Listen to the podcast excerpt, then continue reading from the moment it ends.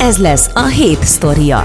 Előre szólunk a Trendefemen, és utána itt az Equilor Podcast csatornáján esnek a hongkongi részvények egy esetleges Evergrande csőttől tartva. Ez ugye Kína legnagyobb ingatlanos cég, és 2018-ban pedig a világ legnagyobb ingatlanfejlesztő cége is volt. A héten lenne esedékes az Evergrande kötvényeire való kamatfizetés, azonban kétséges, hogy a cég képes lesz a törlesztésre. Elsősorban az ingatlanfejlesztőket érinti a negatív hangulat, kérdés, hogy a szabályozók lépnek-e valamit, hogy a többi cégre további őrző hatásokat csillapítsák. A bankoktól kezdve a biztosítókig mindent ütnek, sőt a magas hozamú dolláros kötvények is megérzik az Evergrande körüli problémákat. A befektetők elsősorban attól tartanak, hogy amennyiben bedől a csőd álló vállalat, akkor annak szélesebb körű rendszer szintű hatása is lehetnek. Sokan a 2008-as Lehman Brothers csődjével vonnak párhuzamot, ahol egy nagy szereplő bedüléssel rendszer szintű problémákat okozott.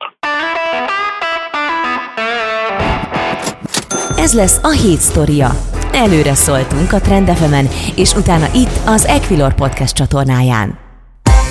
A műsorban elhangzott információk marketing közleménynek minősülnek, és nem a befektetési elemzés függetlenségének előmozdítását célozza.